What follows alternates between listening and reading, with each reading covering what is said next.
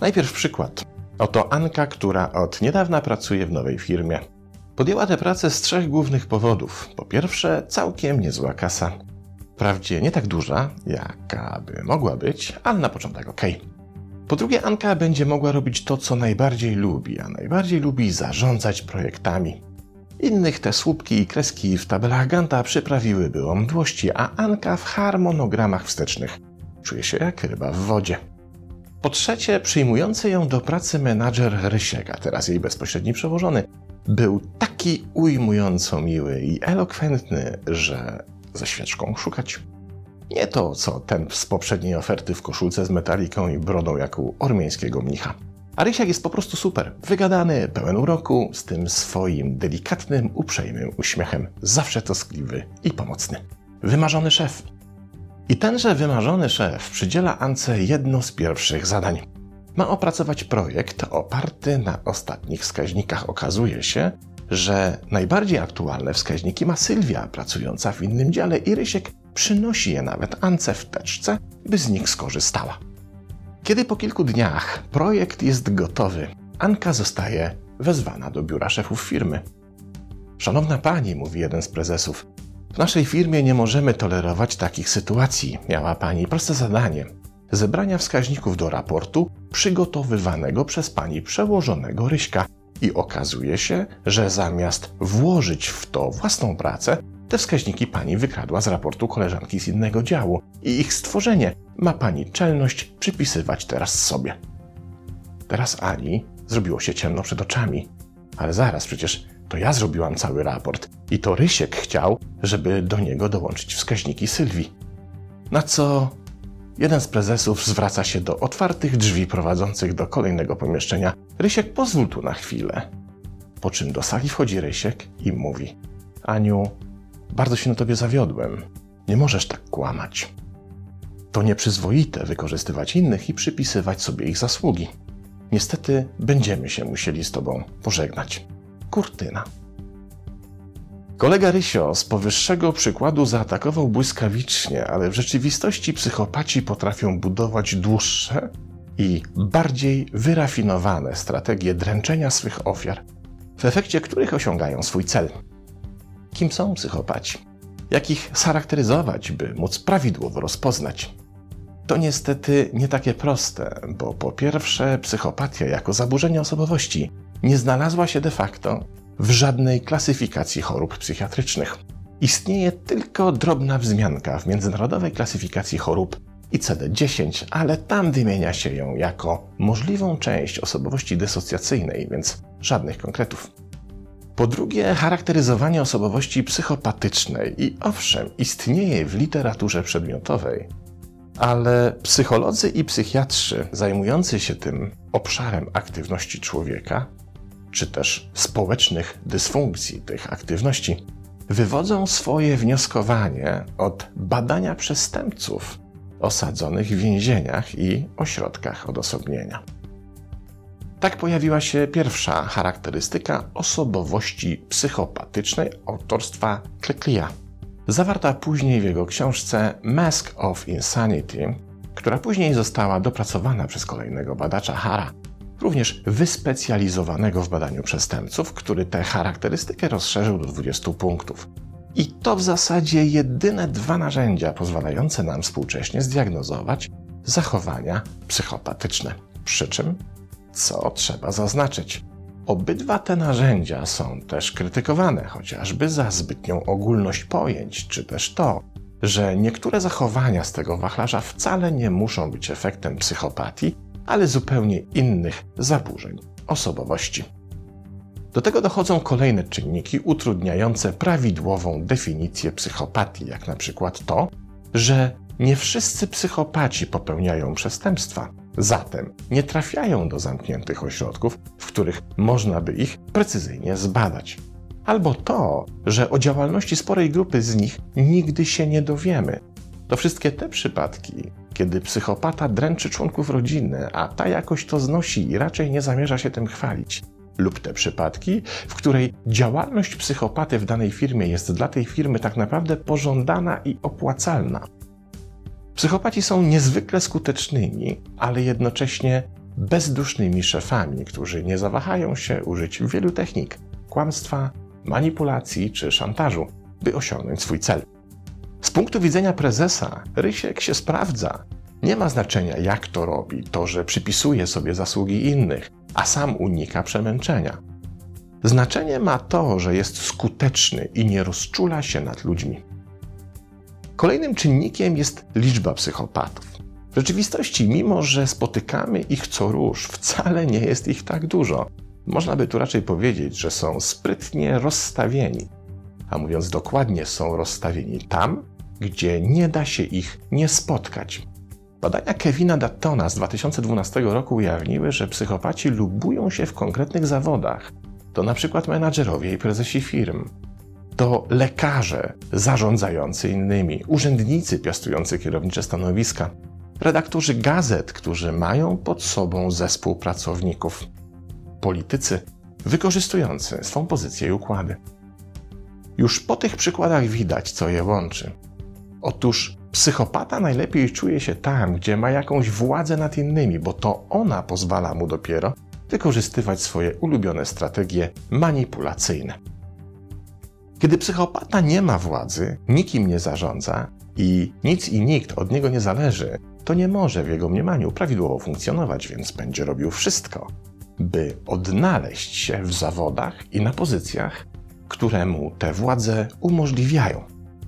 W rzeczywistości szacuje się, że psychopaci to zaledwie kilka procent populacji, od 1 do 2% kobiet i od 2 do 4% mężczyzn. Jednak przytoczone wyżej charakterystyki, zarówno Kliklia, jak i Hara, mogą nam się bardzo przydać, bo pokazują pewien wspólny mianownik dla cech psychopaty oraz jego najczęstszych zachowań. Zatem charakteryzuje ich zazwyczaj ujmująca uprzejmość, maska, za którą oczywiście czai się drapieżnik. Mają silny przerost poczucia własnej wartości, uznają się za dużo lepszych od innych, co pozwala im na ich instrumentalne traktowanie jako wyłącznie środków do osiągnięcia celu.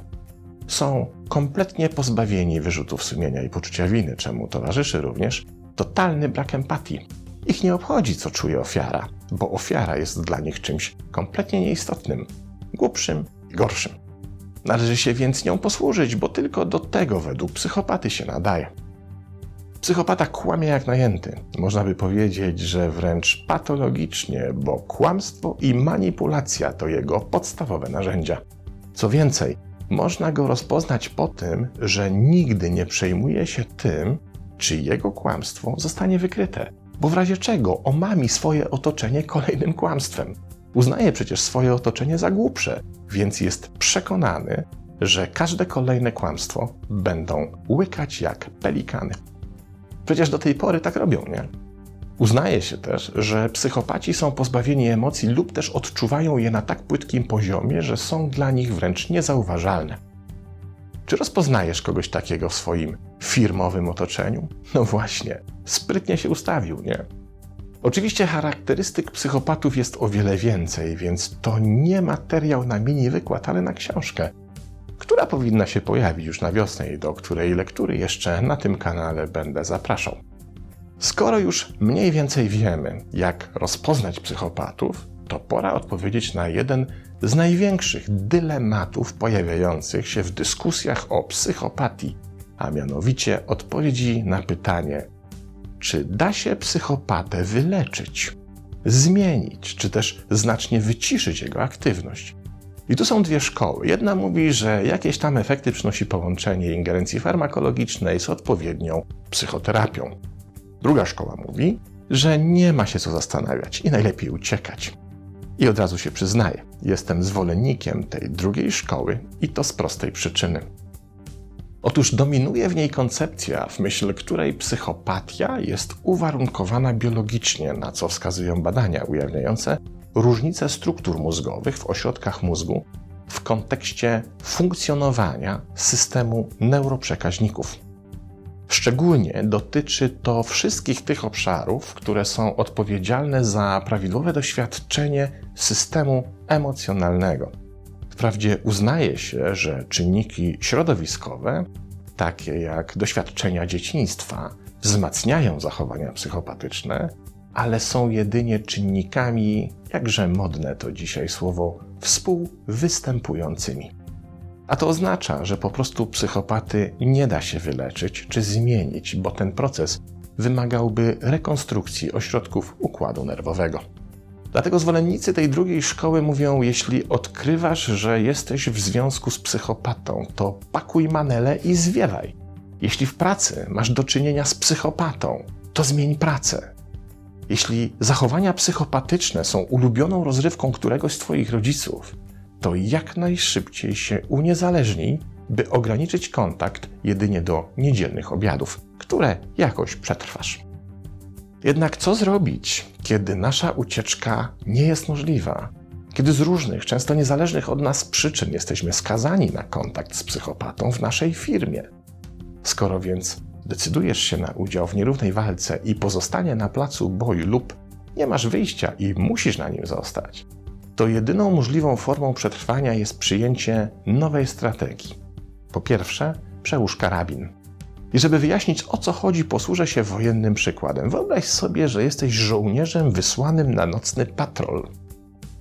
Kiedy nie ma wojny, a na patrolu możesz spotkać co najwyżej wystraszonego zająca, to idziesz z karabinem przewieszonym przez plecy, bo nie spodziewasz się nawet sytuacji, w której musiałbyś swojej broni użyć. Jednak jeśli jest wojna, a ty patrolujesz okolice, w której może się pojawić wróg, już nie niesiesz karabinu na plecach, ale trzymasz go przed sobą, odbezpieczony i w pozycji gotowej do strzału. I dokładnie to musisz zrobić w pracy z psychopatą. Musisz uzbroić się w czujność na każdym kroku. W biurze i przy ekspresie do kawy, na parkingu i w kiblu. Bo uderzenie może przyjść z w każdej sytuacji. A dzieje się tak, bo psychopata jest leniwy, więc zawsze uderza wtedy, kiedy jego ofiara jest najsłabsza, zaskoczona i zdezorientowana. Dowiedz się zatem, jakich narzędzi używa Twój psychopata i bądź na nie przygotowana czy przygotowany w każdej sytuacji. Po drugie, z góry przyjmij założenie, że Twój psychopata uwielbia kłamać i kłamie nawet wtedy, kiedy nic mu to nie daje, a jedynie po to, by sprawdzić Twoje reakcje i na ich podstawie przygotować nową strategię uderzenia. A to oznacza, że unikaj jak ognia wszelkich ustaleń, których brzmienia nie da się później udowodnić. Wymyśl sposób, by cała wasza komunikacja była możliwa do wiarygodnego odtworzenia. Przyjmuj polecenia wyłącznie mailem i archiwizuj te maile tak, by nie dało się ich zmanipulować. Spraw, by każde, nawet najbardziej błahe ustalenie miało formę pisemną, którą później jest łatwo uwierzytelnić. I w końcu po trzecie, bądź silny czy silna. Niech psychopata widzi, że jego strategia po tobie spływa. Pamiętaj, jesteś dla niego jedynie przedmiotem, kamyczkiem, który leży na drodze do celu, więc nie traktuj tego osobiście. On ma swoją grę, ty miej swoją. On się nie przejmuje, ty też się nie przejmuj. Nawet jak usłyszysz, że jesteś ćwokiem i do niczego się nie nadajesz, podziękuj za tę opinię i poproś, czy mógłby ci ją wystawić na piśmie, bo ty kolekcjonujesz takie kwiatki i masz ich już sporo, a szykujesz się do tapetowania łazienki. Pamiętaj, psychopata działa jak drapieżnik, który obserwuje stado, by wybrać zeń najłatwiejszą ofiarę. A ponieważ te ofiary traktuje przedmiotowo, szkoda mu czasu i energii na zmanipulowanie kogoś silniejszego, jak ma do dyspozycji obok trzech słabszych. Ale też pamiętaj, że psychopata kłamie i manipuluje dla sportu, więc nawet jak uzna cię za trudną zdobycz, to i tak do końca będzie sprawdzał, czy czasem twoja siła nie zmalała i czy nie dałoby się ciebie jakoś ustrzelić. Chociażby dla zemsty. Znam przypadek pewnej pani przełożonej, która od 20 lat wykorzystuje bezwzględnie swoje biurowe ofiary i której od 20 lat nie udaje się zmanipulować jednego gościa, bo ten jest tak sprytny, że potrafi się jej zawsze wywinąć. Myślicie, że po 20 latach odpuściła próby? Nic bardziej mylnego, dalej co jakiś czas sprawdza, czy jednak temu gościowi nie dałoby się jakoś zepsuć życia. Kiedy decydujesz się na pozostanie na placu boju, czy robisz to z przymusu, czy dla podniesienia sobie adrenaliny w nudnym świecie, wiedz, że czeka cię nierówna walka.